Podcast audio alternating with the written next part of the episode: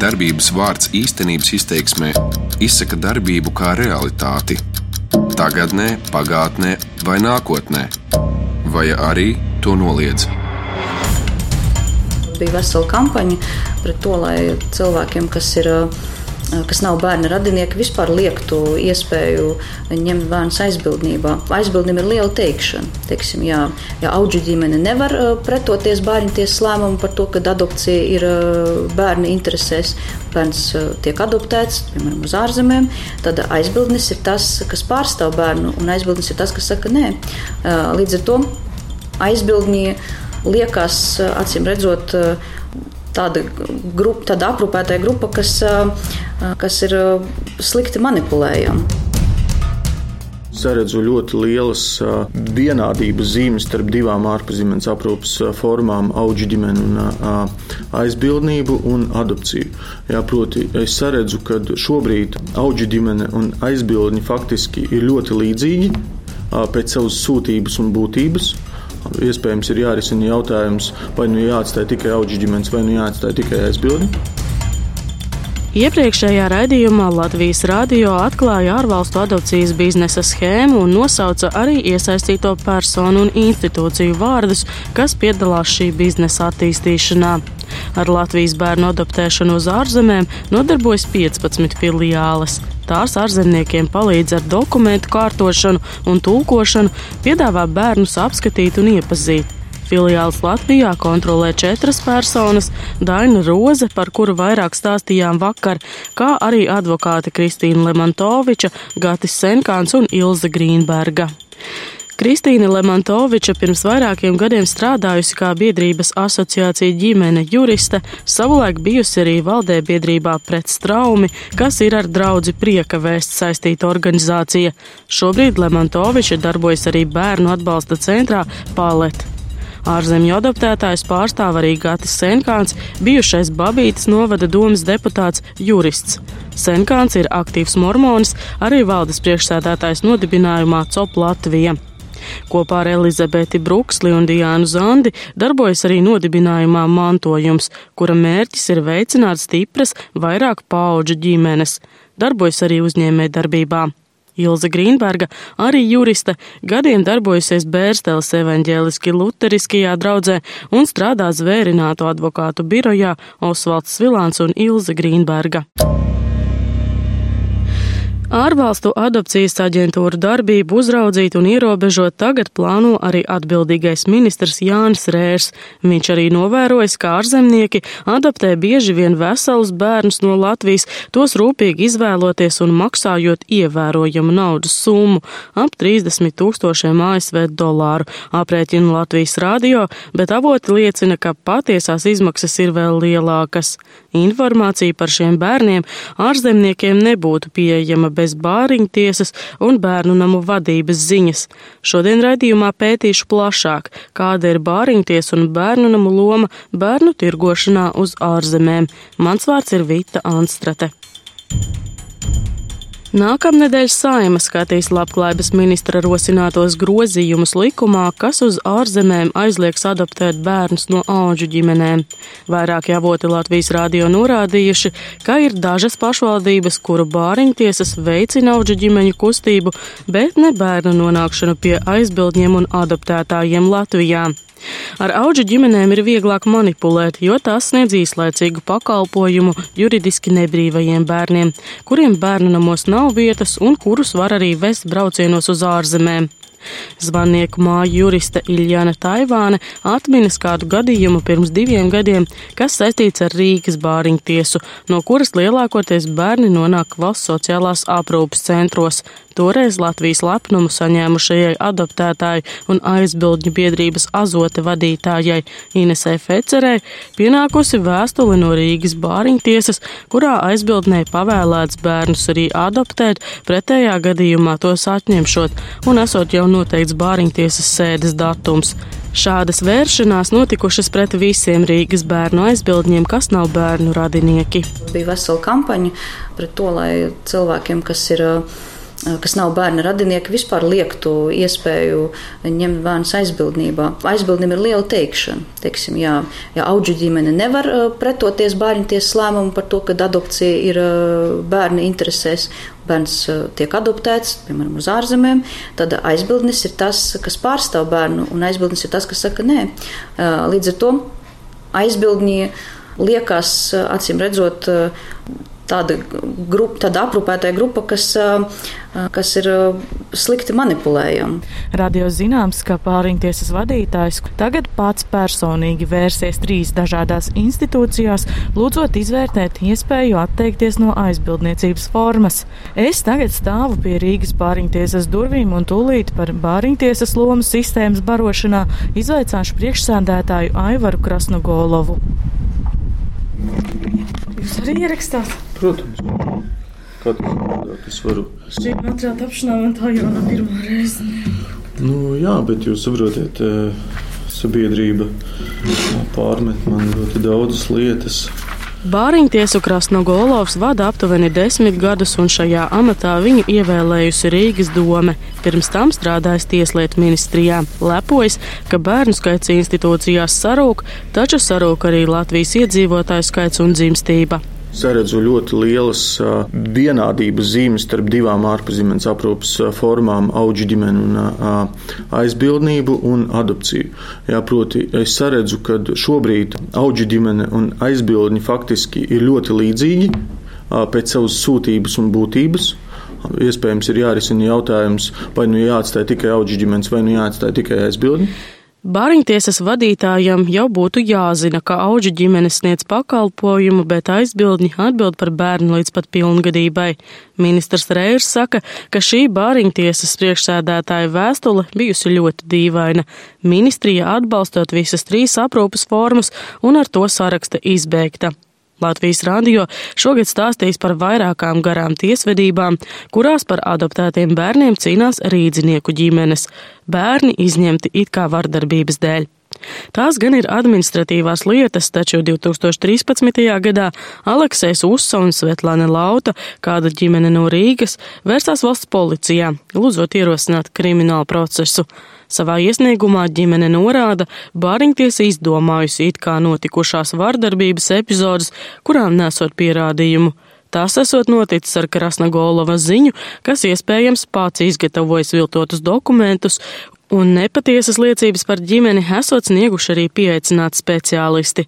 Valsts policijā apstiprina, ka iesniegumi saņemti, taču nav konstatēts noziedzīgs nodarījums. Lieta izbeigta, meitenes ģimenei atdotas un krimināla procesa nav. Mūsu uzdevums bija viņiem arī pateikt, ka nu, tas, ko jūs darat, nav īsti pareizi un labi. Bērni dzīvo, ja nemaldos, tur bija meitenes trīs, un viņas arī uh, dzīvo tur. Pagājušo gadu uh, ap šo laiku es arī tikos ar bērna tēvu, un viņš teica, ka viņam nav nekāda pretenzija pret bāriņu tiesu. Latvijas radio secina, ka liela loma ārvalstu adopcijas mehānismā ir arī bērnu namiem. Valsts sociālās aprūpas centros galvenokārt dzīvo juridiski nebrīvi bērni, ko tajos ievieto Rīgas bāriņtiesa. Bērnu nami kopā ar Rīgas bāriņtiesu organizē braucienus uz ārzemēm un tādējādi arī varētu būt ieguvēji no ārvalstu adopcijas biznesa. Spilgs piemērs ir sociālās aprūpas centrs Rīga, Kapseļu ielā un tā vadības ietekmes sistēmas saglabāšanā.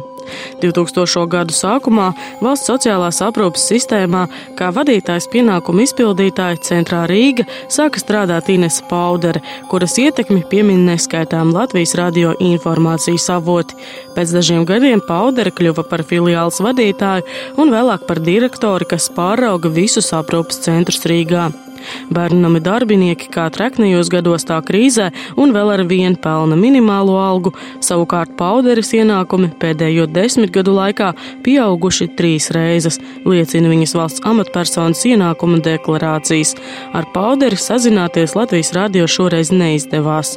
Sava versija par to, kādēļ gadu gadiem izmaiņas nevienam nav izdevies panākt, ir arī tagadējai zvannieku māju juristei Liljanai Taivānei. Būdama studente, pirms 12 gadiem Iljana pieteicās strādāt Pauderis vadītā valsts sociālās aprūpas centrā Majoros.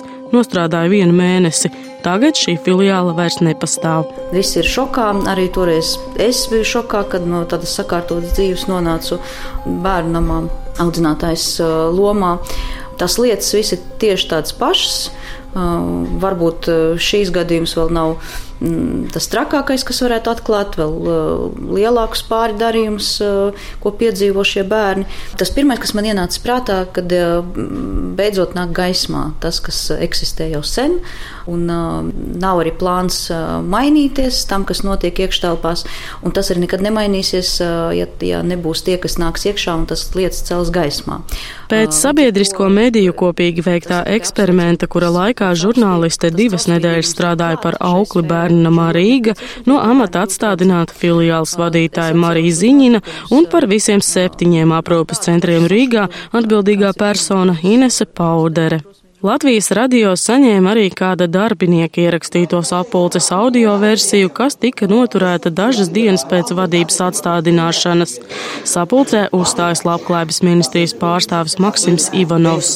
Stāsta, ka tagad bērnu nami būs spiesti kļūt atvērtāki, uzņemt brīvprātīgos un ar presi arī būšot obligāti jārunā. Vienu no septiņām filiālēm varētu slēgt, taču neatklāja kuru. Darbinieki pārmet Ivanovam, ka ministrija neapturējusi radio un televīzijas eksperimentā dokumentētā nonākšanu līdz sabiedrībai. Es, diemžēl, nevarēšu atbildēt jums, jūs priekšā par visiem žurnālistiem, jā, jums un tā kā viņi strādā, cenšais nomierināties, abstragēties no tām negācijām. Nelasiet delfus komentārus. Atklāti par notiekošo centrā tā darbiniekiem runāt esot bail, saka Natāļa Vilistere, ar kuru tiekamies kādā pagalmā Bolderājā. Runāšana, nerunāšana es arī ierakstīšu, labi? Jā. Pēc tam nav, kad mani vārdi tiek izrauti no konteksta vai kaut kā. Mēs varam. Jauki, paldies! Natāļa ir sociālā aprūpētāja un mūsu sarunu ierakstu kā es tā viņa. Mainoties bērnu nama vadībai, aprūpētājs sapratusi, ka nekas cits nemainīšoties. Paskaidrot, ko tieši viņa domā ar šiem vārdiem, Vilistere pagaidām atturas, vien piebilst, runāt ar radio izlēmusi, jo līdzinējās vadības kontrola un represijas esot jāizbeidz. Viņas vārdiem sistēmas pašaizsardzības taustekļi esot ļoti gari tā valdošā, es nezinu, kā to varētu nosaukt, droši vien par sistēmu. Tomēr tā ir sistēma, ja? kas tur notiek un kā tiek cilvēkam pasniegts vienas vai otras lietas, noved cilvēkus stāvoklī, kuru vai nu viņi ņem slimības lapu, vai nu viņi iet projām. Es zinu tādus cilvēkus, es zinu cilvēkus, kuri pat pēc pusgada vēl histērijā saraujās no kaut kādām lietām. Nu, es nevaru minēt tieši kādām, jā, bet, nu, bet fakts kā tāds. Cilvēki ļoti pārdzīvo. Pat nevar aiziet. Kadru mainība valsts sociālās aprūpes centros gan ir liela, to skaidro ar zemajām algām un to, ka daļai tas ir vien pagaidu darbs. Pērn centrs izbeidzis darba attiecības ar vairāk nekā 200 darbiniekiem, no kuriem puse bijusi tieši sociālai aprūpētāji jeb aukles. Šajā pelēki sarkanajā mājā, Juglā Pāles ielā 12, strādāja valsts sociālo aprūpas centru direktore Inese Paudere. Tagad dzirdami uzsaucieni brīvprātīgajiem nākt un spēlēties ar bērnu namu bērniem, izvest viņus pastaigās. Cilvēki nāca un pieteicās par brīvprātīgajiem. Mums bija likts viņus visus sūtīt uz jūglu. Es sūtīju uz jūglu, kur ir mūsu vadība, teiksim, tiešā, uh, kuri ar viņiem tā tad runāja šiem brīvprātīgajiem. Tā kā neviens neatgriezās, man nav atgriezeniskās saites, kas tad ar viņiem notika un kas viņiem tika teikts. Acīm redzot, brīvprātīgie un tādi darbinieki, kas patiesi interesējas par bērniem, vadībai nav bijuši izdevīgi, jo tad viņi redzēto varētu izstāstīt sabiedrībai, kļūt par trauksmes cēlējiem. Vakar raidījumā īstenības izteiksme analizē bērnu adopciju uz ārzemēm, kas izveidojusies par ienesīgu biznesu noteiktam personu lokam. Iljanai Taivānei, zvannieku juristei, šajā schēmā ir sava versija arī par pauderes un bērnu namu iespējamo ietekmi adopcijas sistēmas bērnības veicināšanā. Uz ārzemēm adoptēt var bērnus, kas ir vecāki par septiņiem gadiem. Bērnamiem kopā ar bāriņtiesām tas ir izdevīgi, jo bērnu vecākiem var ļaut ilgstoši laboties līdz noteiktu vecumu sasniegšanai. Arī Latvijas rādio vairāki potenciāli aizbildņi un adoptētāji ir sūdzējušies par bērna brīvības ierobežošanu institūcijā, to pamatojot ar vecāku interesi, kas esot pietiekama arī tad, ja vecāki bērnu apciemo, piemēram, reiz mēnesī. Šī interese gan pēkšņi kļūst par nepietiekamu, līdz ko bērnu ir gatavi adoptēt ārzemnieki.